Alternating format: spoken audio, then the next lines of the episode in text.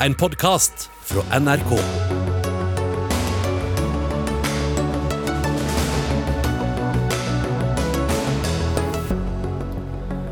Politiet varslet, eh, ble varslet om at gjerningsmannen kunne gjøre noe helt forferdelig allerede i 2017. Hva gjorde politiet med varslene, og hva skjedde egentlig da gjerningsmannen gikk løs på mennesker på Kongsberg i over en halv time? Politimesteren stiller i Dagsnytt 18. Landets nye statsminister holder pressekonferanse under vår sending. Klimaministeren kommer hit og møter Bellonas Fredrik Hauge. Kjør debatt. Og en fersk statsråd blir kalt for Støres største kupp. Møt ham mot slutten av sendinga. Ja, det er noen av sakene i Dagsnytt 18. Det vil si det er de to sakene vi har i Dagsnytt 18 denne torsdagen, der vi begynner med det som skjedde på Kongsberg i går, og det som PST sier framstår som en terrorhandling i byen. Hva slags eh, opplysninger hadde dere om denne personen før han angrep folk eh, i Kongsberg i går? Ola B. Sæverud, du er politimester i Region Sør-Øst. Det vi har eh, sagt er at det har vært bekymring eh, rundt denne personen knytta til radikalisering. Eh, Siste melding på han var i 2020, eh, men bekymringa har gått noen år før det. Bekymring, men, men hva slags Hva var det dere visste om han? Vi, er, vi må gå nøyere gjennom det materialet og se både hva vi har fått av informasjon og hvordan det er fulgt opp som en del av etterforskningene nå har gått sånn som det har gått. Dette er en del av et arbeid som politiet og PST gjør i lag. Eh, Og som PST orienterte om på sin pressekonferanse, så mottar vi en god del av den type bekymringer. Det vil vi gjerne ha. Eh, Og så må det følges opp og vurderes. og, og eh, hva, hvordan skal man følge dette opp? Eh, Hva er reelt? Eh, Hva er folk som uttrykker noe de egentlig ikke er i stand til eller har vilje til å gjøre? Og hva kan bli reelt? Det er et vanskelig arbeid. Og det er også en situasjon som kan utvikle seg relativt fort, særlig eh, hvis man snakker om soloterrorister. Vi skal tilbake til- Det må vi komme tilbake til. Ja. Unnskyld at jeg avbryter deg, du sitter i vårt eh, studio i Tønsberg. Allerede for fire år siden, i 2017, så la han ut eh, denne videoen. Hei. Jeg er en eh, budbringer. Jeg kommer med en advarsel. Er det virkelig det her det dere vil? Og til alle som har lyst til å gjøre opp for seg selv, så er tiden inne. Bær vitne til at jeg er muslim. Ja, PST sa tidligere i dag at de ikke visste om de var kjent med denne videoen før den ble lagt ut, eh, da først på, på VG nett. Eh, Var politiet eh, i Tønsberg, eller eh, dere i Sør-Øst, kjent med denne videoen? Eh, Det kan jeg ikke svare på. Jeg har ikke vært kjent med den videoen tidligere, eh, men nå jobber jeg ikke med dette til daglig. Eh, Det, jeg vil anta at ansatte i Sør-Øst har kjent til dette. Og som jeg sier, han har, det har vært knytta bekymring til han i, fram mot 2020 og i noen år før det. Og det har vært fulgt opp og vurdert. Og så tror jeg man skal være litt forsiktig med å knytte og tolke for mye ut av en videosnutt fra 2017. Eh, Det, vi må gå ned i hele materialet fra da og fram til nå for å se om det er mulig å finne svar på hva som har skjedd, og også kunne finne svar på om det var noe vi kunne ha gjort bedre. Ja, for en bekjent av gjerningsmannen syns i hvert fall at det var veldig alarmerende det han eh, så at, eh, at kamper- kameraten eller barndomsvennen hadde lagt ut. Så ille at han varslet politiet den gangen om både videoen, og at han selv var livredd for at gjerningsmannen kunne gjøre noe helt forferdelig. Eh, Det skriver VG etter å ha vært i kontakt med denne bekjente. Hva gjorde dere med denne varselen? Eh, Konkret hva som er gjort i, med de enkelte meldingene vi har fått, det har ikke jeg oversikt over nå. Det går inn i etterforskninga, eh, og vi må kartlegge det grundig. Det har vært flere meldinger på han. Politiet har vært i kontakt med han flere ganger. Det har vært oppfølging mot han ved flere anledninger. Og så syns vi det er veldig veldig bra at denne vennen tar kontakt med politiet når han har den bekymringa. Ja, for varsleren, og så er det eh, han vår- fikk beskjed ansvar å følge opp. Unnskyld at jeg avbryter deg, men varsleren fikk da beskjed av politiet etter at han, at han varslet om at politiet skulle ta dette videre. Eh, ble det tatt videre? Som jeg sier, Konkret hva som er gjort med det enkelte eh, meldinger som er kommet på han, det har ikke jeg oversikt her og nå. Eh, han er fulgt opp flere ganger av eh, politiet. Det har vært eh, både besøk og tiltak mot han i ulike sammenhenger. Eh, det er helt riktig at vi ikke vil gi tilbakemelding til en melder på hva vi har gjort med en konkret melding. Eh, vi har også taushetsplikt mot det vi finner i veldig mange sammenhenger. Ja, Den siste bekymringsmeldingen som, eh, som du da også uh, for så vidt nevner, den er fra 2020. Da skal han ha besøkt familiemedlemmer, truet med pistol og brutt uh, besøksforbudet. Hva har dere gjort rundt mannen eller med mannen siden det? Det må følges, det, det, igjen et eh, konkret hva som er gjort med det enkelte varselet, sitter ikke jeg med oversikt over nå. Vi har et eh, stort åsted, veldig mange eh, ulike oppgaver vi er nødt til å håndtere. Noen er akutt. Eh, men hva som konkret er gjort med akkurat det varselet, det må vi komme tilbake til. Men eh, da kan vi bli mer konkrete, for vi skal snakke litt om det som faktisk skjedde på bakken i går, politimester Ole B. Sæverud. Han begynte altså å drepe etter at politiet hadde tatt eh, kontakt med han, er det riktig? Eh, det vi har sagt er at eh, i hvert fall noen er drept etter at han var i kontakt med oss. Sannsynligvis alle. Vi kan ikke endelig bekrefte i hvilken rekkefølge de fem ble drept, eller nøyaktig når. Eh, men sånn som eh, faktum fremstår for oss nå, så er det klart at noen er drept etter at han var i kontakt med oss. Sannsynligvis alle. Eh, det var en politimann som tilfeldigvis befant seg i, i butikken Coop da gjerningsmannen begynte å, å, true og skyte. Han var i sivil, beskutt gjennom skulderen. Og han eller det, da ble det varslet uh, om at noe var forferdelig galt på Coop. Uh, hva skjedde der? Ja, det ble varsla uh, før det. Første melding fikk vi 18.12.30. Uh, da starta den telefonsamtalen med første melding. Den ble loggført 18.13. Da ble det umiddelbart sendt en patrulje mot stedet. Det ble gitt bevæpningsordre, og umiddelbart etter det tre patruljer til. Den første patruljen kom på eh, stedet 1817 1817 ble det lest ut Plivo-melding, og 1818 var første patrulje på stedet. De går i umiddelbar innsats, eh, går inn i butikken. Med våpen? Eh, er bevæpna mm. med våpen. Men blir beskutt ikke bare én, men to ganger. Begge de to kontakter med gjerningsmannen er inne på Coop Extra. Men de kommer ikke i posisjon til sjøl å avfyre skudd. Så første gang eh, politiet er ja, Jeg må bare presisere det. Første gang eh, politiet er i kontakt, da, eller får kontakt med gjerningsmannen, så er de allerede bevæpnet, men blir beskutt med pil og bue. Det er riktig. Første gang politifolk i tjeneste er i kontakt med gjerningsmannen, så er de bevæpna og, og, blir beskutt. Hva skjer så? Så eh, mens de eh, prøver å komme i posisjon for å gjøre noe, også få eh, tilført eh, verneutstyr som gjør at de er i stand til å gå inn i mer krevende situasjoner, så kommer gjerningsmannen seg ut. Eh, da agerer de fortløpende på de meldingene de får om eh, observasjoner av han gjennom Eh, Tønsberg sentrum. Det kommer også flere patruljer til. Og han blir etter hvert pågrepet klokka 18.47. Men det er et aktivt søk i hele perioden. Fra første melding kommer til politiet, til han er pågrepet.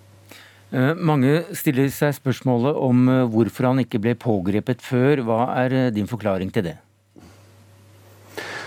Eh, jeg har prøvd å redegjøre så åpent som mulig for det faktum vi har nå. Og så er det et eh, komplisert hendelsesforløp deretter. Det er tema for etterforskning. Det skal vi svare grundig på. Men vi må være sikre på at det vi sier er riktig. Eh, og da må vi gjennomføre etterforskninga grundig først. Men det er viktig for oss at den etterforskninga gjennomføres på en sånn måte at vi overfor både de pårørende, innbyggerne på Kongsberg og befolkninga i Norge kan svare ordentlig og grundig på det spørsmålet. Men bare for å konkretisere dette også. Den politimannen i sivil, eh, han ble skutt i skulderen eh, før eh, politiet kom og var bevæpnet og var etter gjerningsmannen. Sånn som jeg oppfatter faktum, så er det riktig. Han, de møter han når de kommer med pil i skuldra. Var det da inne på Coop? Så vidt jeg har forstått, så er det det, men jeg har ikke alle detaljene på det hendelsesforløpet. Hvordan kom gjerningsmannen seg unna når politiet var etter han inne i en butikk? Det har vi ikke helt oversikt over. Han går ikke forbi politiet. Eh, han har nå kommet seg ut en annen vei, men nøyaktig hvilken vei det er, det vet vi ikke. Eh, vi vet altså at han har et lengre rulleblad i politiet. PST sier at han også har vært ut og inn av helsevesenet eh, på eh, ulike stadier. Eh, hva har han gjort før gårsdagens ugjerning, som du kan si i dag?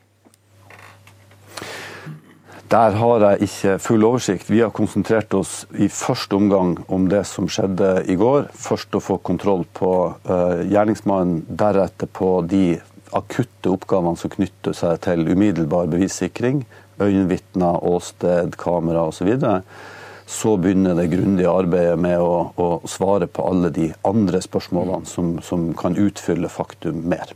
Og et spørsmål som sikkert eh, skal besvares, eh, det er vel om dere kunne ha gjort noe annerledes. For eh, dere hadde også kontakt da med gjerningsmannen før han begynte å drepe. Det er helt riktig. Og vi har vært, uh, vært viktig for oss å være åpne om det i dag, så fort vi har hatt oversikt over det faktum. Og så vet vi, uh, fordi politiets beredskapssystem forutsetter at alle alvorlige hendelser skal evalueres. Dette er åpenbart en alvorlig hendelse, og den skal følgelig evalueres. Vi er avhengig av å lære av alle sånne hendelser. Uh, og, så, og, så, må vi se uh, når vi er kommet i den fasen. Der er vi ikke enda.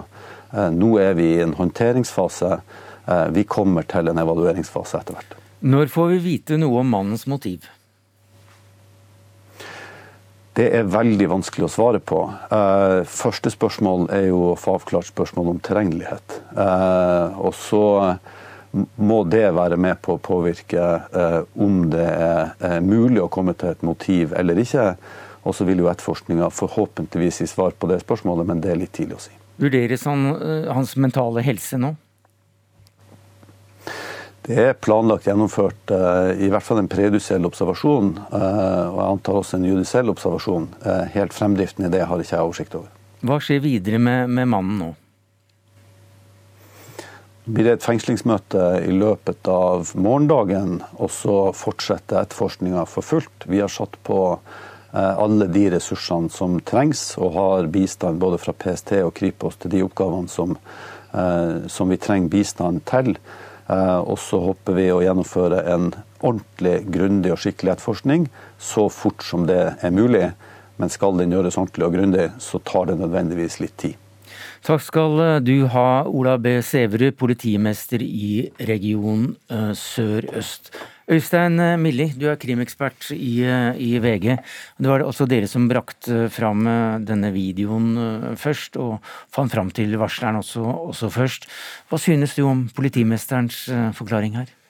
Nei, jeg syns jo at uh, politiet forklarer seg uh, til dels litt uh, uklart. særlig syns jeg man er litt uklar rundt dette med videoen og varsle på forhånd, og hva man visste og ikke visste, og man, ikke minst hva man har gjort. nå er ikke PST her, men det var en pressekonferanse for en times tid siden med PST-ledelsen. og Det overrasker meg jo at man ikke klarer et døgn etterpå å si om ja eller nei om PST som organisasjon var kjent med denne videoen. Og jeg syns det er litt rart at man, og kanskje da særlig fra PST sin side, ikke er mer konkrete på hva man har gjort. Eh, her er det en situasjon hvor befolkningen helt åpenbart har krav på svar, stiller spørsmål, lurer på hvorfor dette kunne skje og ikke har blitt avverga. Eh, vi har en historikk eh, som ligger ganske kort tilbake i tid med 22.07, og det har vært evalueringer og rapporter og omorganisering og jeg vet ikke hva. Og så kommer det ganske vage svar på det alle lurer på. Hva har politiet gjort? Og det burde vel, synes jeg, være mulig å komme noen tydeligere svar allerede nå. Ja, ikke bare vage svar, men eh, de sier jo, eller politimesteren sa jo her at han, han ikke visste, at ikke det var han som da hadde hatt disse sakene. Han eh, er på et annet nivå i hierarkiet. Men, men kunne de, eh, Olav Rønneberg, spørsmålet kan gå til deg som krimkommentator her i NRK. Du har sittet konstant og kommentert nettopp denne, denne saken i dag. Ville det vært lett å for politimesteren å, skaffe seg de opplysningene, slik at han kunne svart mer fyllestgjørende i f.eks. Dagsnytt 18? Mange vil jo mene at politimesteren burde vite at disse spørsmålene kommer, nettopp fordi vi har hatt hendelser tidligere hvor disse spørsmålene har kommet. Eh, det blir jo et informasjonsvakuum her, eh, og det etterlater jo da, eller iallfall det, det kan etterlate en mistanke om at politiet ikke har gjort noe, eh, når de da, verken politimesteren eller PST-sjefen vil svare på om de har foretatt seg noe aktivt opp mot denne mannen. De har fått inn bekymringsmeldinger. Han var på listene til PST, eh, men vi hørte jo også PST-sjefen som Øystein sier, gjentatte ganger i dag bli spurt om PST hadde foretatt seg noe aktivt, eh, og det ønsket i alle fall ikke PST-sjefen å svare på. Og Det vil jo da kunne etterlate mistanke om at de kanskje ikke har foretatt seg noe som helst. Det kan det faktisk være slik at ikke de har sett denne videoen? Ja, Det er jo spørsmålet vi sitter igjen med. og jeg tenker at uh, Det er veldig synd for PST å få tilliten til politiet hvis det er sånn at man faktisk har sett den og har kontroll på det, ikke klarer å kommunisere det. Og, Det er like, på en annen måte like dumt og uh, skaper ikke tillit hvis man forsøker å skyve under teppet at man faktisk ikke har det. Så jeg tenker uansett her, ærlighet. Eh, om det er den ene veien eller den andre veien, så vil det skape tillit. Og er det én ting vi trenger nå, så er det at vi får klare svar på de spørsmålene som vi kan få svar på, og jeg syns jo akkurat dette er et av dem. Uh, Olav Rønneberg, NRK har jo også vært i kontakt med denne varsleren i løpet uh, av dagen. Men hvor mye vekt tror du man kan legge på en slik video når det gjelder å forklare f.eks. For motiv? Det er jo vanskelige vurderinger som må gjøres her, helt åpenbart. Men, men nå har vi også sett denne videoen her, og, og man skulle jo tro eh, at den type video sammen med et varsel ble tillagt en viss vekt. Eh, og så er det selvfølgelig slik at, at PST får inn flere hundre bekymringsmeldinger eh, i året om forskjellige personer. og Det er jo en prioritering som gjøres også i PST. Så vidt jeg har forstått så har de en, en prioriteringsordning der, der de siler saker. Noen blir prioritert høyt, mens andre blir prioritert bort. og, og spørsmålet, Det store spørsmålet her er jo hvor ble denne mannens sak prioritert? Mm. Altså, denne videoen ble jo lagt ut i 2017. og Han sier også at han er en budbringer, eh, at han er muslim, at han kommer, og han kommer med trusler, uten at han retter denne trusselen mot helt spesifikke mennesker. Det er vel ikke ulovlig? Eh, nødvendigvis ikke, men, men, det er klart det som jeg tenker er at uh, Vi hørte også PST i dag si at disse ensomme ulvene, disse uten nettverk, er vanskeligst å avdekke. og Det skyldes bl.a. fordi at politiet kan bruke en del hjelpemidler. Hvis det er flere personer, så kan man bruke uh, romavlytting, telefonavlytting. Det er mye enklere å fange opp bevegelser mellom en gruppe enn en enkeltperson som sitter og planlegger noe. Men da tenker jeg at man skulle kanskje tro at nettopp de objektene som ytrer seg på den måten her, og som man får bekymringsmeldinger på, de skulle jo da få enda mer oppmerksomhet. Fordi at man vet at det er ikke noen andre måter å det er få andre måter å avdekke det på enn å ha et stort fokus, direkte fokus på dem. Eh, og Det forundrer meg litt da at man ikke i erkjennelsen av at her har vi ikke noen eh, En del av de virkemidlene vi kan bruke, de faller bort fordi at det er en ensom mann som kan komme til å gjøre noe. Så her må vi da ha et spissere fokus eh, for å sikre oss at det ikke skjer. Og Det tenker jeg at må bli en diskusjon uh, og en, uh, ja, en diskusjon om prioritering framover. Hvordan man skal løse det og ha et enda spissere fokus på de som uh, er i den kategorien. og Her sitter vi jo sannsynligvis da med en situasjon hvor politiet ikke har sett på denne mannen da, av en eller annen grunn som en stor trussel. Og så ser vi at det har han til de, alle, det har han absolutt vært. Han har drept fem og skada tre. Eh, og Da tenker jeg at det kaller på noen eh, refleksjoner fra politiet. PST, som jo ikke er til stede, da, de, de eh, men som ble invitert, de eh, sier i dag at det er vanskelig å, å, gjøre noe også fordi det er I dette tilfellet så var det antagelig så kort vei fra eh, tanke til handling. Men når vi nå ser at denne videoen ble lagt ut i 2017, så ja, hva sier du? Det er jo summen, man, man, summen av bildet man må Og igjen, dette er vanskelige vurderinger, krevende vurderinger. og Jeg er ikke politi og er i grunnen glad for det. Men, men, her må man jo da se på disse videoene, hvis de var klar over videoene, eh, opp mot hans historikk. Han er dømt tidligere. Eh, han har en straffehistorikk på det. Han har besøksforbud på seg ganske nylig for trusler mot familiemedlemmer, truet med å drepe familiemedlemmer. Det er summen av alt dette Så noen kanskje vil mene at burde få det til å, å gå opp et, et, rødt lys. Så hørte vi da også uh, at PST uh, sier at han er ut og inn av, har vært litt ut og inn av, av helse- og omsorgsarbeideres søkelys også. Og vi hørte politimesteren si at, at han kommer til å måtte undergå en, en viss form for mental undersøkelse, Geir Lippestad. Uh, du forsvarte mannen som sto bak terrorangrepet 22.07. for ti år siden. Også den gang så, så var det jo veldig mye uh, veldig mye uh, rundt dette om gjerningsmannen var mentalt forstyrret eller ikke, altså tilregnelig. Hvorfor er det så viktig? Jo, fordi det er selvfølgelig om du kan straffes eller ikke. Er du utilregnelig, så, så, kan du ikke straffes for gjerningen. Da skal du inn og få, få helsehjelp, rett og slett. Du kan jo selvfølgelig eh, få tvungen helsehjelp, og du, du, du, blir tatt hånd om, men, men du kan ikke straffes. Ehm, så, så, det er et veldig viktig spørsmål. Eh, og også opp imot selve etterforskningen, bakgrunnen for dette.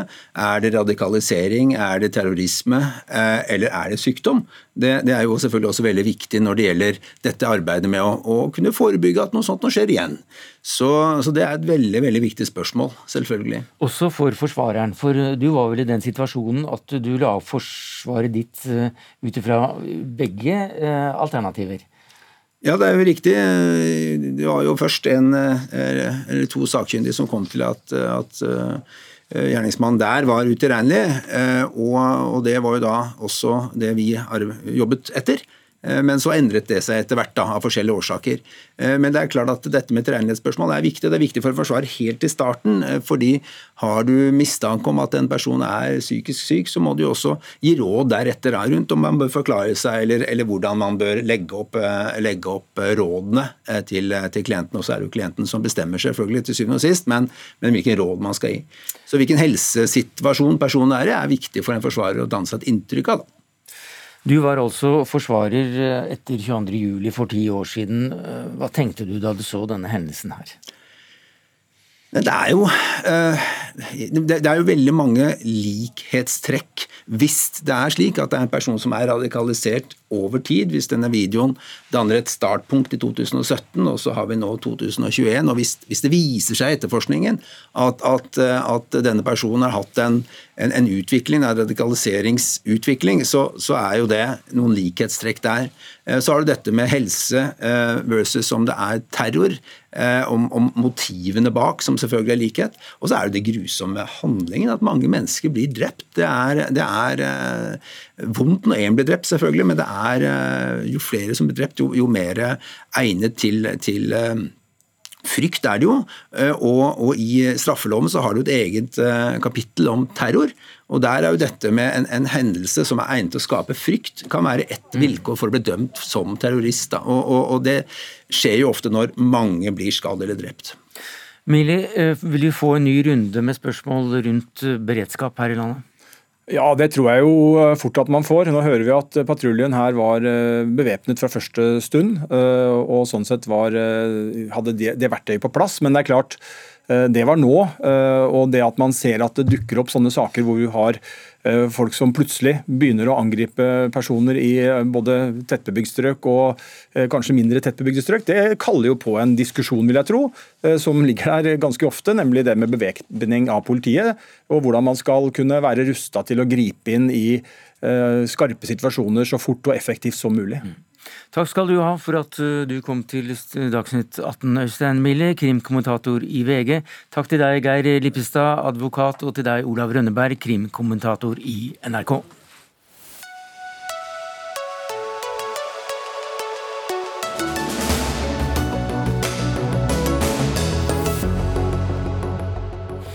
Ja, Neste tema i eh, Dagsnytt 18, og det siste for så vidt, det er eh, politikk. For eh, fram til klokka 18.15 så har regjeringen faktisk sittet i første, sin første regjeringskonferanse. Eh, så får vi se om eh, noen av eh, statsrådene dukker opp her i Dagsnytt 18 etter hvert. Klokka 18.30 holder Støre sin første pressekonferanse fra statsministerens kontor, og den skal vi innom på en eller annen måte. Og når vi nå da har invitert et kommentatorpanel, så blir jo det da litt som å simultanoverføre i forkant av et fremmedspråk språk som da framføres og som skal oversettes etter hvert. Men vi får begynne da med det vi allerede vet, før vi får inn både Støre og, og, og ulike statsråder. Og La oss begynne med, med det generelle inntrykket av Støres mannskap. Fridtjof Jacobsen, politisk redaktør i Dagens Næringsliv. Er det en spennende bukett statsråder, eller 17 shades of grey? Ja, til og med 19, ikke sant? 19, ja, Eller hvis du må ta med Støre og Vedum, da. Ja, eh, så Om det blir gråere eller ikke med de, det vet jeg ikke. Men eh, nei, det er jo en miks. Det er jo noen uventede navn. Eh, Jan Christian Vestre, som har vært leder for den møbelbedriften Vestre. Det er knyttet til Arbeiderpartiet, men et ubeskrevet blad på toppen av norsk politikk. Eh, vi har fått en veldig ung eh, justisminister, som noen har gjort et poeng av, men som tross alt har ganske solid eh, politisk erfaring og er åpenbart en flink politiker. Og har fått noen andre litt uventede navn og noen uventede plasseringer. og Som NRK skrev tidligere i dag, så har jo dette kaballen Der har det vært stokket og lagt på nytt nesten helt ut på oppløpssiden. Vi ser jo i dag at enkelte statsråder kom så sent i posisjon at de har ikke rukket å utnevne statssekretærer eller de skal ha, eller rådgivere. Så det har tydeligvis vært ganske si kaotisk, men i hvert fall ganske travelt eh, på slutten her når Støre skulle sette sammen dette mannskapet. Hege Ulstein, eh, som politisk kommentator i, eh, i, Dagsavisen, så skrev du at nettopp denne statsråden som Fridtjof Jacobsen nevnte, er altså Jan Christian Vestre som næringsminister, han er Støres største kupp? Ja, jeg er ganske sikker på at Støre har eh, hatt veldig veldig lyst til å utnevne Jan Christian Vestre til statsråd. Han, eh, han kjenner han fra før, og han er kjent internt i Arbeiderpartiet som en veldig visjonær fyr, og som er veldig flink til en av de tingene denne regjeringen er nødt til å lykkes med, nemlig å jobbe med grønn omstilling og eksportrettet norsk næringsliv inn i en ny tid. Og det har han bevist på en veldig solid måte i det møbelfirmaet som Fridtjof snakker om, Vestre som er eh, verdensledende på, på det de driver med, utendørsmøbler. De har møbler i eh, New York og masse store byer rundt omkring. Og han er akkurat nå i ferd med å ferdigstille en sånn ganske spektakulær fabrikk i, langt ute i skauen i Hedmark, som eh, skal være helt i verdenstoppen når det gjelder alt fra bærekraft til transparens og sosialt ansvar osv. Så, videre. så han er en type som passer veldig godt til, eh, til de ambisjonene som Støre har i næringspolitikken. Lars Nehru Sand, politisk kommentator i eh, NRK. Vi har en eh, minister, den eldste på laget, men som er en comeback-kid, og er i en veldig spesiell situasjon, nemlig Enoksen fra Andøya. Ja, den blir jo personifiseringen av at uh, Senterpartiet, spesielt uh, regjeringen generelt, må levere både til landsdelen, men ikke minst til det lokalsamfunnet. Og, og, han blir da den personen de kan gå til og, og lufte sin frustrasjon, men, men, samtidig også en statsråd som må levere på, på offensiv forsvarspolitikk i nord, som Senterpartiet har fått gjennomslag for. Men det å gjøre han til ansiktet på det nederlaget Senterpartiet åpenbart gikk på Eh, i akkurat den konkrete enkeltsaken, det, det er en spennende manøver. Og, og som Jacobsen er inne på, én ting er nå at han kanskje lenge har vært tenkt inn i regjering for å, eh, som, som, en av flere med statsrådserfaring på Senterpartiets lag, men akkurat den plasseringen av han på den posten eh, gjør det jo ekstra symbolt. Mm. Vi skal eh, komme litt inn på enkeltstatsråder, men, men ser du, eh, Jacobsen, eh, trekk som liksom er klare grep for å, å markere at vi har faktisk en mindretallsregjering her? Det jeg i hvert fall ser, er at det er en ganske ung regjering. og Hvis du holder det opp mot Hurdalserklæringen, som er et ganske traust politisk dokument, som jeg tror legger vekt på at man ikke ting må ikke gå for fort, man må ikke ta store endringer og ramme for mange, man må ikke gjøre for mye dristige grep. Det er en ganske sånn ettertenksomt politisk dokument, kan man si, hvis man skal si det litt snilt. Så er det litt interessant hvordan regjeringsmannskapet, både på statsrådsnivå og også på en del av statssekretærene, sånn, er en ny generasjon, både Arbeiderpartiet og Senterpartipolitikere. Og så er jo spørsmålet da om de, det som i hvert fall oppfattes som begrensede eller forsiktige ambisjoner i klimapolitikken f.eks., og, andre steder, også når det gjelder skatt og fordeling av den tingen, eh, ganske sånn sentrumsorientert og langsomt, om hvordan det skal liksom iverksettes da av en regjering med mange unge og kanskje mer utålmodige statsråder og et politisk elitesjikt i den regjeringen. Der tror jeg det kan bli en ganske interessant dynamikk. Og så er det jo også interessant å se at eh, denne regjeringen er jo da, eh, må jo også lage et grunnlag for at man får reelle nettverk og politiske samarbeid og kjennskap og personlige forhold mellom politikere fra Arbeiderpartiet og Senterpartiet, som ikke har vært to partier som har vært så nært knyttet til hverandre tidligere. Men når man kommer sammen i en regjering og et regjeringsapparat, så prøver man å lage det for å ha noe å bygge på for videre politisk arbeid. Så man sier ofte at eh, en god regjering der kommer forslagene, kan man ikke se hvilket parti forslagene kommer fra alltid. Man begynner å tenke som et kollegium og som et politisk verksted, og ikke som forskjellige partier. De har jo regjert sammen før, da. Ja, men eh, det var vel ikke noen sånn store eh, fare for gruppetenkning i den rød-grønne regjeringen, så vidt vi har hørt før. Eh, der var det mye mer seier og tap og, og konflikter. Om en del, hvert fall sånne, av de sakene man ser på, så er det jo sånn også at en regjering blir jo ofte preget av de hendelsene og, og ting som skjer som man aldri kan forutse gjennom dokumenter, og det kan jo ofte sveise dem sammen. Men jeg, jeg tror den dynamikken mellom en ny generasjon som er mer utålmodig, kanskje noe mer grønn, eh, i hvert fall mange unge politikere, og de begrensede og litt sånn tradisjonelle ambisjonene i Hurdal, det kan bli en interessant spenning. Grønn i betydningen? Nei, mer utålmodig på klimakutt. og Jeg prøvde å finlese litt på det i Hurdalserklæringen. Og Det er jo ikke noe, egentlig noe realistisk vei til å nå målet om 55 eh, klimakutt i, mm. 2030 i den erklæringen. Så, det kommer Fredrik Hauge sikkert til å ta opp når han kommer uh, mot uh, slutten av sendinga. Hegge Ulstein, tilbake til sjefen Jonas Gahr Støre. Du skrev at er Jonas Gahr Støre en luring, eller ble han lurt? Uh, har det kommet til noe svar? Uh, nei, det tror jeg vi må se de neste fire årene. Men både Fridtjof og jeg har vel vært inne på at uh, dette bruddet med SV i, i, Hurdal kan tolkes på forskjellige måter. Enten at han da ikke fikk til en trepartiregjering som han ønsket, eller at mm. han syns at det er greit med en topartiregjering i mindretall som kan gå litt flere veier i Stortinget. Du, Da er det klart for statsminister Jonas Gahr Støres første pressekonferanse, så vi setter over til statsministerens kontor. Regjering. Men det er også en veldig spesiell dag å presentere en ny regjering på. Fordi vi har opplevd uh, i Norge, i Kongsberg og oss alle som fellesskap et fryktelig grusomt angrep mot uskyldige mennesker uh, i går kveld. Og Vi har i løpet av går kveld, formiddagen og ettermiddagen lært mer om hvilke uhyrligheter som har funnet sted hvilke grusomme handlinger uh, uskyldige mennesker er utsatt for, hvilken uro og frykt som har rammet uh, samfunnet på Kongsberg og egentlig spredt seg til hele landet.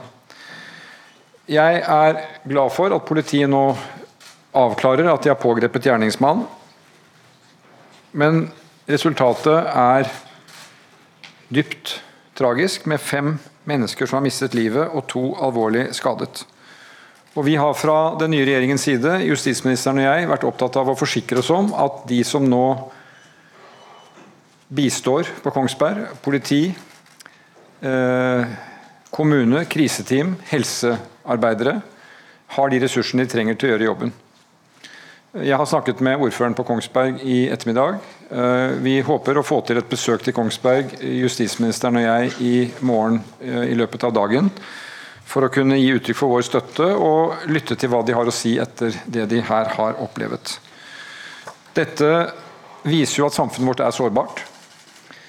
Det er ikke godt for oss å konkludere med hva som er motiv, hva som er eh, sammenhengende bak denne handlingen. Det må politiet få gjøre arbeidet sitt ferdig eh, og, og, avklare.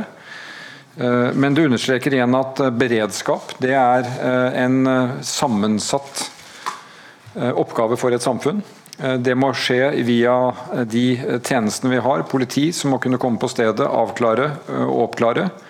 Men også i samfunnet for øvrig i bredt så må vi ha beredskap til å kunne motvirke denne type alvorlige hendelser. Jeg nevnte tidligere i dag at vi har i vår regjering to statsråder med erfaring fra Utøya 22.07. Vi har seks andre i regjeringssystemet som også opplevet Utøya. Det var en terrorhandling. Eh, og denne handlingen som eh, skjedde i går, setter selvfølgelig eh, tankene i gang på de som har opplevd slike fryktelige ting, og vi skal stå sammen med dem. Regjeringen er kommet i gang. Vi har hatt vår første regjeringskonferanse. Vi har begynt planleggingen av det som blir en tiltredelsesdebatt neste uke. Hvor jeg vil holde en redegjørelse på mandag, og vi får en debatt senere i uka. Og vi begynner også oppgavene i forhold til et nytt budsjett, altså et tilleggsnummer. Og Da vet dere at vårt mål er å gjennomføre Hurdalserklæringen. Vi skal sørge for at vanlige folk får oppleve at deres liv, utfordringer og interesser igjen skal stå øverst på dagsorden. Eh, og vi skal ta vare på den tilliten som er i Norge, eh, ved å vise at eh, politikken gjør en forskjell i folks liv. Reduserer ulikheter mellom folk og tar alle de mulighetene vi har i landet i bruk. Så Vi er kommet godt i gang. Departementene har fått sine politiske ledelser. Vi har møttes i regjeringskonferanse. Eh, og er i gang eh, på første kvelden mot et bakteppe som er veldig alvorstungt etter det som skjedde på Kongsberg. Da går vi over til én-til-én-intervjuer, og statsministeren går først til NRK. Ja, vi skal um, tilbake til, um, til, Støre etter hvert, for vi, vår reporter Joakim Reistad han står klar nå straks med statsministeren. Ja, det gjør vi. Jonas Gahr Støre, altså blodfersk statsminister her. Fortell litt aller først, hvordan har denne dagen vært? Den har jo vært eh, preget av det vi eh, opplever i hele Norge i dag. Eh, dette grufulle som skjedde på Kongsberg i går kveld. Det kom jo til oss gjennom gårsdagen, kvelden. Da hadde jeg god kontakt med avtroppende regjering. Og i løpet av dagen så har jo grufullhetene kommet for en dag. Og vi ser hva som har skjedd. Fem drepte, folk er skadet, folk er redde. Og folk er sårbare. Så det har vært bakteppet. Og så har jo Norge allikevel vist at vi kan håndtere det som var planlagt for den dagen, et regjeringsskifte som har skjedd i verdige former. Og vi er jo på plass i departementene. Har tatt ansvar fra klokka tolv i dag og er i gang med det arbeidet vi skal gjøre. Og Det er jo en, eh, en spennende oppgave for oss, et mål vi har jobbet for. Og eh, vi er i gang med å forberede det politiske arbeidet for det som ligger foran oss. Ja, for Du er jo litt inne på det. Det er eh, mange, kanskje litt uskrevne blad for mange du har valgt ut i, i din regjering. Ungt mannskap, kvinnemannskap. Hvorfor har du satt sammen akkurat disse personene her? Trygve Slagsvold Vedum og jeg har jo jobbet sammen om å se på hvilke kvaliteter vi vil ha. Eh, hva slags erfaringer vi vil ha. Det er mange her med tung stortingserfaring. Men mange av dem er yngre, de òg. Det er folk som har lang erfaring i Stortinget. Eh, de har faglig gode kvalifikasjoner. Eh, vi har en god fordeling fra hele landet. Du kan ikke få én fra hvert fylke, det går ikke, dessverre. Men vi har altså nord, sør, øst, vest på en veldig god måte. Og så har vi fått inn noen ganske friske pust. da. Jeg mener jo at Odd Roger Enoksen, som er eldst, er et friskt pust. Han er veldig erfaren politiker, har vært ute av politikken lenge og kommer nå inn med mye erfaring. Eh, den nye justisministeren er den yngste. Eh, hun er også, for vi som kjenner henne fra Stortinget, en veldig erfaren og dyktig politiker som har stor respekt. Og så har vi fått en inn rett fra næringslivet med industrierfaring, hva det vil si å drive bærekraftig og eksportere og gjøre alt det vi trenger mer av. Jan Christian Vestre. Så det er mange spennende navn, og vi har ti-ni i kvinneflertall. og Det tror jeg vi skal eh, være stolte av. Hvor annerledes tror du denne regjeringen hadde sett ut hvis dere hadde et stortingsflertall bak dere? Det, det, tenker jeg ikke så mye på, for vi tar utgangspunkt i det som er disse to partiene. Uh, og jeg er fornøyd med at vi har fått gode uh, statsråder fra begge partier. Så var du litt inne på det i forrige svaret, men det er ikke alle fylker og alle landsdeler som er representert. Sørlandet f.eks., Nordvestlandet er heller ikke representert. Er det noen grunn til det, eller er det tilfeldigheter? Det er, jo, altså, det er jo ikke tilfeldig, for vi har valgt dyktige statsråder. Og så har vi sørget for at f.eks. Innlandet, som jo ikke var representert så å si i den, eh, de siste åtte årene, eh, nå er representert. Eh, men jeg mener vi har en god balanse fra nord, sør, øst, vest. Og så er vi en regjering for hele landet, med store ambisjoner for de store byene, for distriktene og de små kommunene. Da sier vi takk i denne omgang, Jonas Gahr Støre, som skal få lov til å gå videre her også i intervjurunden. Så skal vi snakke mer politikk også i Dagsrevyen litt senere. Da blir det mer om regjeringsskiftet og mer med Jonas Gahr Støre. Takk skal du ha, Joakim Reistad, vår reporter på statsministerens eh, kontor. Ja, Vi hørte også de nevne denne geografiske skjevfordelingen når det gjaldt, eh, når det gjaldt statsråder. Er det tilfeldig? Altså, helt tilfeldig er det ikke, fordi jeg mener det er en sammenheng mellom hvilke partier som gjør det bra i deler av landet, og hvor de får opp sine talenter fra. Når Støre her nevner at med et borgerlig styre så er det vanskeligere å få folk fra Innlandet frem, så, så henger det sammen litt da med oppslutning. Også. Noen, eh, aldri en regel uten unntak, holdt jeg på å si. Senterpartiet skuffa over at ingen fra Sogn og Fjordane, som er en bastion for, for, Senterpartiet, ikke er med i regjeringen, for eksempel. Men, men det er jo ganske østlandstungt, og det er også verdt å merke seg at både fra Nord-Norge og Innlandet, hvor Arbeiderpartiet og Senterpartiet har knivet litt om å være størst eh, de siste månedene og årene, eh, så har begge partier prioritert å få inn folk fra de delene av landet. Hege Ulstein, eh, vi som er litt nerder når det gjelder politikk, har jo fulgt pressekonferanser eller hva, hva, Støre har sagt siden Stortinget i morges, og så på Slottsplassen, og så på pressekonferansen her. Og han, hele tiden så har han nevnt Utøya. Mm. At Utøya-generasjonen er på vei inn, denne gangen med to statsråder. Mm. Hvorfor legger han så vekt på det? Jeg tror det, han gjør det fordi han mener at det er viktig. Og de to statsrådene som, eh, som var på Utøya, altså kunnskapsminister Tonje Brenna og eh, næringsminister Jan Christian Vestre, det er også to veldig sentrale poster i i denne regjeringen. Og så skal vi huske på at eh, da vi markerte tiårsdagen for 22.07 nå tidligere i sommer, så hadde vi en eh, ganske stor debatt om politikken i angrepet, og det at eh, man nå kunne snakke om det politiske tankegodset som lå bak den gangen for ti år siden på en annen måte.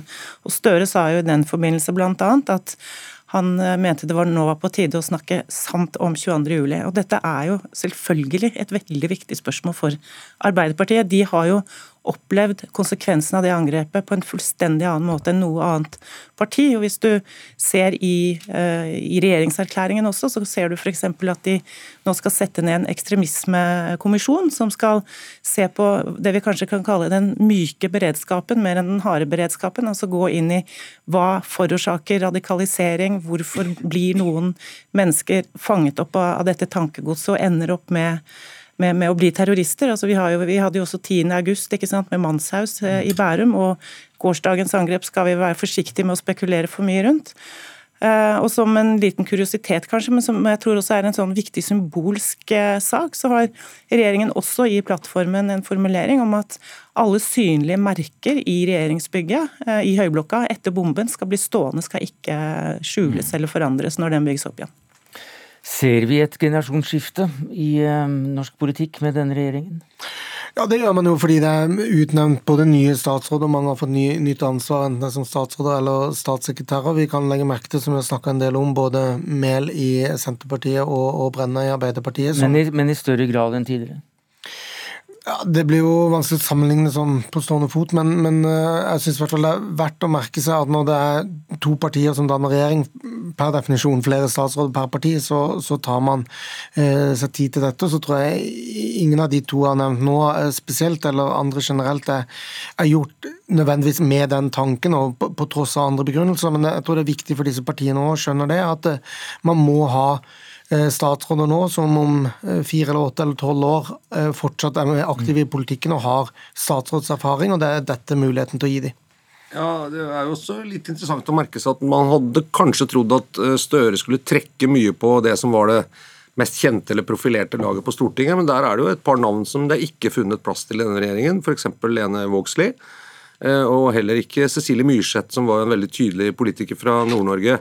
Og Da har det heller kommet inn eh, sant, ordfører fra Fredrikstad og, og andre typer politikere med, som ikke har den eh, så, så, noen vil nok ha en litt sånn De klapper nok i hendene, men det er nok ikke liksom Kanskje tenke litt på hvorfor ble det ikke min tur denne gangen. Men så kan jo også dette endre seg i løpet av de fire årene. Det er ikke sikkert at han holder på statsrådene like tviholder på sine egne, sånn som jo Erna Solberg hadde gjort i mange år. Det må vi jo ikke se bort fra. Og Så er det interessant det med Enoksen, syns jeg, som blir trukket fram. for han er jo da direktør på Andøya rakettskytefelt. Og jeg mistenker da at Støre har liksom utvidet Han er veldig glad i rom. ikke sant? Havrom og mulighetsrom og handlingsrom og sånn. Han har også nå fått verdensrommet inn i regjering, så det er en veldig høy himmel inni dette. Jo, men eh, da må han jo også stå for eh, valget av å, å legge ned eh, den militære basen for, for flyvåpenet. Jo, men altså, Raketter flyr jo enda høyere enn de overvåkningsflyene. Da. Så Det er vel kanskje en trøst for noen, i hvert fall. Men uh, Hege Ulstein, du er opptatt av at det er tre viktige poster som Arbeiderpartiet har fått, og som er helt avgjørende at uh, leverer for at dette skal gå bra. Ja, altså Litt i forlengelsen av det Fridtjof Jacobsen sa i sted, med denne litt søkende eller forslagspregede regjeringserklæringen som, som vi har fått, hvor det er nesten ingenting som er tidfestet og mye som ikke er konkretisert. så det de sier i, i Arbeiderpartiet som en, en, en, mulig forklaring på noe av det, i hvert fall, er at dette er så store, komplekse omstillingsjobber som Norge skal gjennom de neste årene, at det nytter ikke å sitte 14 dager på et hotell og lage en detaljert plan for akkurat hvordan denne omstillingen skal foregå. F.eks. For når det gjelder klima, så har de da beholdt målet om 55% kutt i 2030, men hvordan man skal komme dit, eh, er det flere som peker på. Det ja. handler om dag-til-dag-politikk. Men, men du, sier, du, sitter med ryggen til, men det står to der ute som absolutt Nå snur du deg og ser Fredrik Hauge ja. og, og, Espen Barth Eide er på vei inn. Ja. Men klimapolitikk Klima, næring og arbeid, altså den posten som, eh, som Eide har, Jan Christian Vestre og Hadia Tajik, de tre statsrådene må lykkes med sine oppgaver for at denne regjeringen skal lykkes. Det tror jeg er helt grunnleggende viktig. Så får vi se da om alt lykkes for denne regjeringen. Takk skal du ha, Hege Ulstein, kommentator i Dagsavisen, Fridtjof Jacobsen, politisk redaktør i Dagens Næringsliv, og Lars Nehru Sand, politisk kommentator i NRK.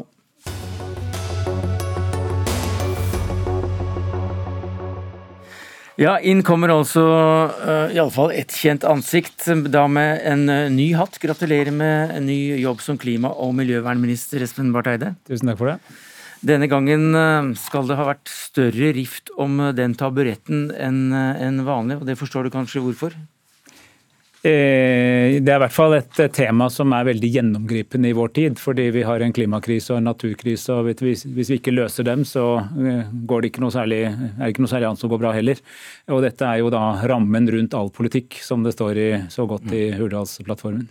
Fredrik Hauge, du er leder i miljøstiftelsen Bellona, og du omtaler regjeringsplattformen som tragisk og unnskyld ordet, helt jævlig til E24, og sier at gjør det, den gjør det fullstendig umulig å nå Norges klimaforpliktelser på 55% nedgang i norske utslipp. Hvorfor denne gravsomme salve? Nei, eh, det er mange gode intensjoner her, men den gir ingen beskrivelse av dette. Og det er jo da det Espen Barth Eide eh, må ta tak i. Eh, og jeg synes at i den situasjonen vi er i, så synes jeg det er viktig at en slik regjeringserklæring viser lederskap. Det gjør den for så vidt på sine målsetninger om kutt. Men den gir oss ingen beskrivelse som er god av hvordan vi skal oppnå disse. Så her får eh, Barth Eide eh, en stor jobb å fylle dette med innhold. Og jeg er vel kanskje spesielt skuffet over at det ikke er sterkere formuleringer på hvor viktig CO2-fangst og -lagring blir for å løse dette problemet. For uten det så løser vi ikke problemene med elektrifisering av sokkelen. Vi løser ikke det å produsere hydrogen. Vi løser ikke smelteverksindustrien. Og vi løser heller mm. ikke våre klimaforpliktelser.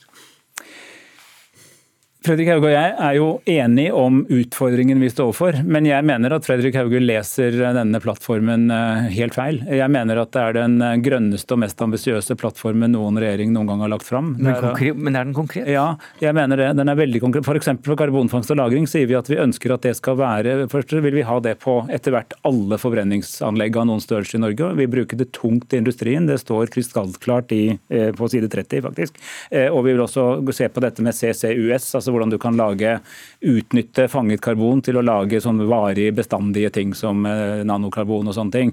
Eh, vi ønsker å bruke karbonfangst og -lagring, men det viktigste for oss er at vi skal kutte 55% i hele økonomien. Det betyr altså ikke bare ikke-kvotepliktig sektor, som det het før, men også i kvotepliktig sektor. Det er et nasjonalt mål. Det skal oppnås i Norge. Vi skal ikke kjøpe oss fri gjennom, gjennom eh, noen internasjonale ordninger. Dette skal vi gjøre i Norge. Og vi skal lage et karbonbudsjett for hvert år som skal bli like viktig som pengebudsjettet. Det er en helt ny måte å styre på, og jeg mener at det er superambisiøst. Og så blir det jobben... Et øyeblikk, vi, vi får nesten få en kommentar på det. Ja, dette er vel og bra. Eh, så er det det å fylle dette med innhold.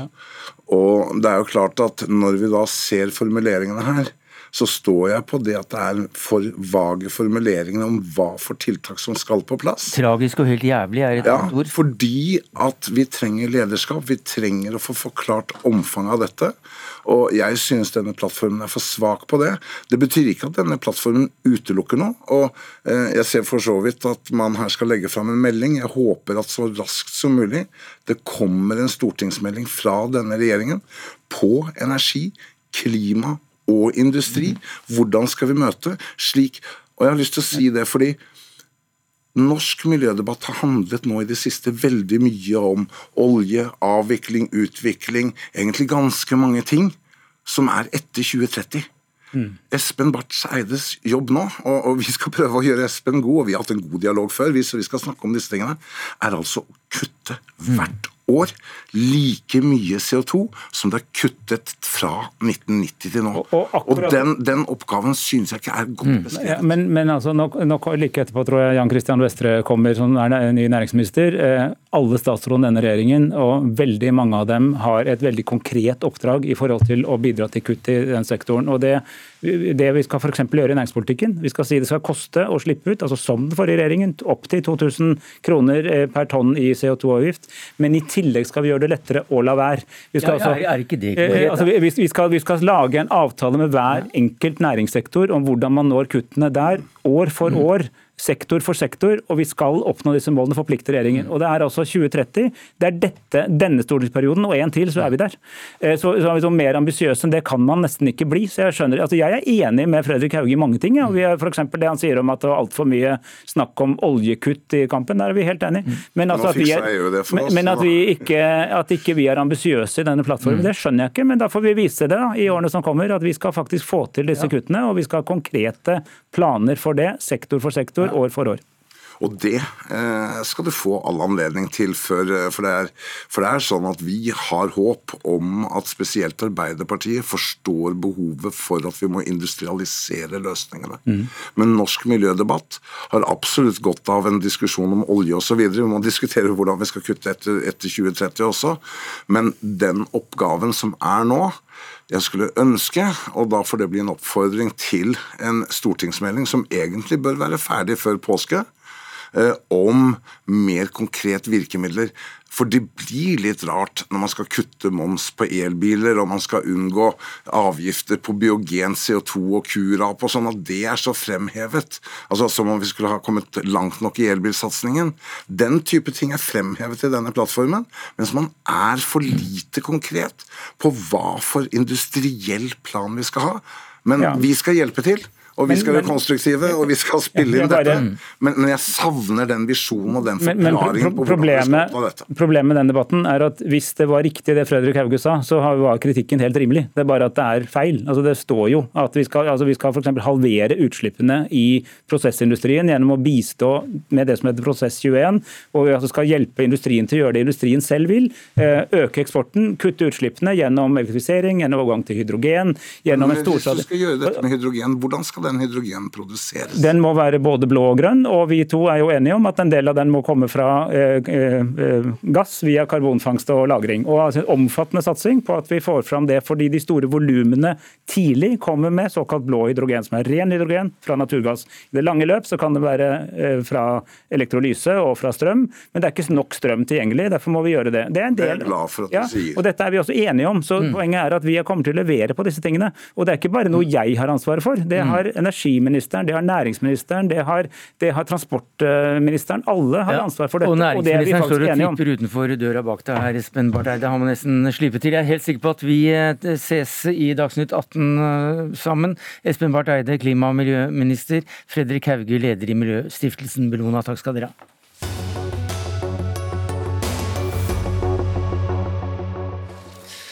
For eh, vi får en eh, fersk statsråd inn i eh, Dagsnytt eh, 18. Første gang han besøker dette studio som næringsminister, i alle fall. Jan Christian Vestre, gratulerer med statsrådpost. Tusen takk for det, og tusen takk for invitasjonen. Hva sa du da Støre ringte?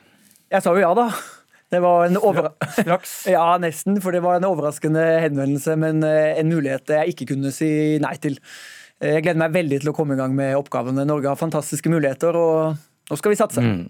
Jeg vet ikke om du fikk det med deg her, du var vel kanskje på vei opp trappa, men kommentator i Dagsavisen eh, Hege Ulstein kalte deg Støres største skup tidligere i Dagsnytt 18 i dag. Ja, Det var jo hyggelig å høre, men jeg syns hele regjeringen er et eh, stort skup. Det er veldig mange talentfulle folk fra hele landet der som er klare til å gjøre en innsats for eh, Norge. og det er veldig hyggelig å få være med på det laget. Men vi har jo hørt hva som gjør deg så spesiell av andre. Hva tenker du selv? Jeg tror jeg kan bidra med mye erfaring og kompetanse fra næringslivet. Jeg har vært leder for en familiebedrift eh, noen år som har hatt stor eksportsuksess og tar norske løsninger ut i verden. og Det trenger vi mer av i næringslivet. Eh, og så er jeg en eh, utålmodig person som gjerne vil se resultater, og er veldig fornøyd med at vi har en regjeringsplattform også som viser en veldig tydelig retning, som handler om å ta land i bruk, øke eksportinntektene. Vi skal få opp investeringene på fastlandet, og vi skal få flere folk i jobb. Det er sånn vi tar vare på velferdsstaten i årene framover. Ja, vi hørte også Hege Ulstein si at du har en av de postene som, som må lykkes hvis dette her regjeringssystemet skal gå bra. Hva blir jobb én? Jobb én nå er eh, å få flere i jobb øke eksporten, få opp investeringene, kutte klimagassutslipp, ta hele landet i bruk. Det var fem. Og, ja, det, men det henger sammen, de henger sammen, de. og Klarer vi det ene, så klarer vi det andre og det tredje. Og Så trenger vi litt tid, fordi det har skjedd veldig mye i dag. Helt ny jobben. Må få med oss litt, og så skal vi veldig snart komme tilbake med en eh, plan for hvordan vi skal begynne å iverksette Hurdal-plattformen. Hvordan har ditt tidligere politiske liv vært? Jeg har vært aktiv i AUF, jeg har jobbet i Arbeiderpartiets stortingsgruppe, jeg har vært rådgiver i Næringsdepartementet tidligere, og jeg har også vært med på gjenreisningen av Utøya. Men nå har jeg vært utenom politikken eh, noen år. Eh, det er veldig gøy å være tilbake igjen, så jeg klør i fingrene etter å komme i gang.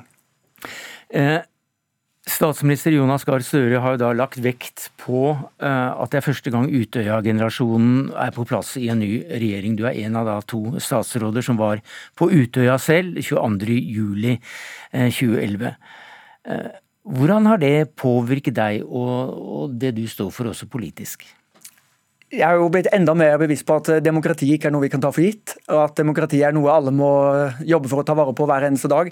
Og jeg må innrømme det, jeg kom ut på Slottsplassen i dag sammen med gode kollegaer. så tenkte jeg litt ekstra på de vi mista for ti år siden. Mm. Og jeg tror For vi, oss som var der, så kommer det nok alltid til å følge med oss, akkurat sånn som alle andre i Norge har et forhold til uh, den dagen. og Det er viktig at vi ikke er uh, naive, men at vi fortsetter å ta vare på demokratiet og stå opp mot de holdningene som dessverre kan føre til terror, uansett hvilken uh, ekstrem terror det skulle måtte være.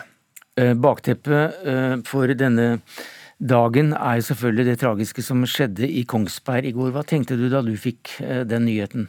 Ja, Først og fremst så tenkte jeg jo eh, på de som er råket, direkte og indirekte. Det er jo en grusom tragedie, selvfølgelig. Eh, og så tror jeg jeg får overlate til justisministeren å si mer om den konkrete hendelsen og det som nå er under etterforskning. Ja, men jeg tenkte mer, mer personlig. Ja, det, som jeg sa, så tenkte jeg jo på de som er direkte og indirekte råket av det, og den forferdelige opplevelsen det må være for alle som er rundt i en sånn tragedie. Og at det er viktig, akkurat som i, for ti år siden, at vi står sammen og tar vare på hverandre så godt vi kan. Eh, rett etter Utøya-katastrofen så um, så tok du over familiebedriften. I dag så regnes den som en innovativ suksess. Hva tar du med deg fra de erfaringene og inn i politikken? Jeg tenker at Det er viktig å ha store drømmer. Norsk næringsliv lager produkter og tjenester i verdensklasse som vi må selge til et stort publikum der ute. Jeg tror at norsk næringsliv kan flytte verden framover hvis vi jobber sammen for å få til det. Og den utålmodigheten og ja, hva skal vi si, målrettede satsingen på eksport som familiebedriftene jeg har vært i har gjort, det tenker jeg vi skal få til i stor mm. skala i Norge også. Vi hørte Barth Eide si her at ikke minst Næringsdepartementet må på banen for å nå disse 55 %-kuttene i, i klimagasser. Hvordan skal du gjøre det? Ja, nå skal vi eh, gå gjennom regjeringsplattformen skikkelig. Vi har et fantastisk godt eh, embetsverk, eh, underliggende etater. Vi skal mobilisere det beste i næringslivet. Jeg tenker å reise mye rundt nå, besøke bedrifter over hele landet, få deres innspill, og så skal vi lage konkrete planer for å få det til. Men det som vi helt sikkert må få til, er et partnerskap mellom staten, kommunene og næringslivet. fordi det er ingen sektorer som klarer dette alene. Vi må jobbe sammen for å få det til. Men helt kort til slutt, vi begynner å nærme oss slutten her. Ehm, du har selv i din bedrift gjort noen grep som akkurat går den veien, nemlig mer, mer grønn satsing? Ja, eh, familiebedrift Vestre, som jeg nå da ikke lenger er en del av, har jo gjort betydelige investeringer i grønn miljøteknologi. og Det tror jeg vi kan få utløst mye mer av i norsk næringsliv og i norsk industri. Men igjen, da trenger vi et godt eh, samarbeid og et godt eh, partnerskap der vi spiller hverandre gode. og Det skal vi nå gjøre. Og vi håper å spille mer på deg i Dagsnytt 18 også, Jan Christian Vestre, næringsminister, men eh, da med opponenter i studio som kan gå løs på politikken din. Takk skal du ha for at du kom til oss. Eh, dette var slutten av Dagsnytt 18 denne torsdagen, takket være ansvarlig for det hele, Anne Katrine Førli. Det tekniske ansvaret hadde Hanne Lunås. Jeg heter Sverre Tom Radøy.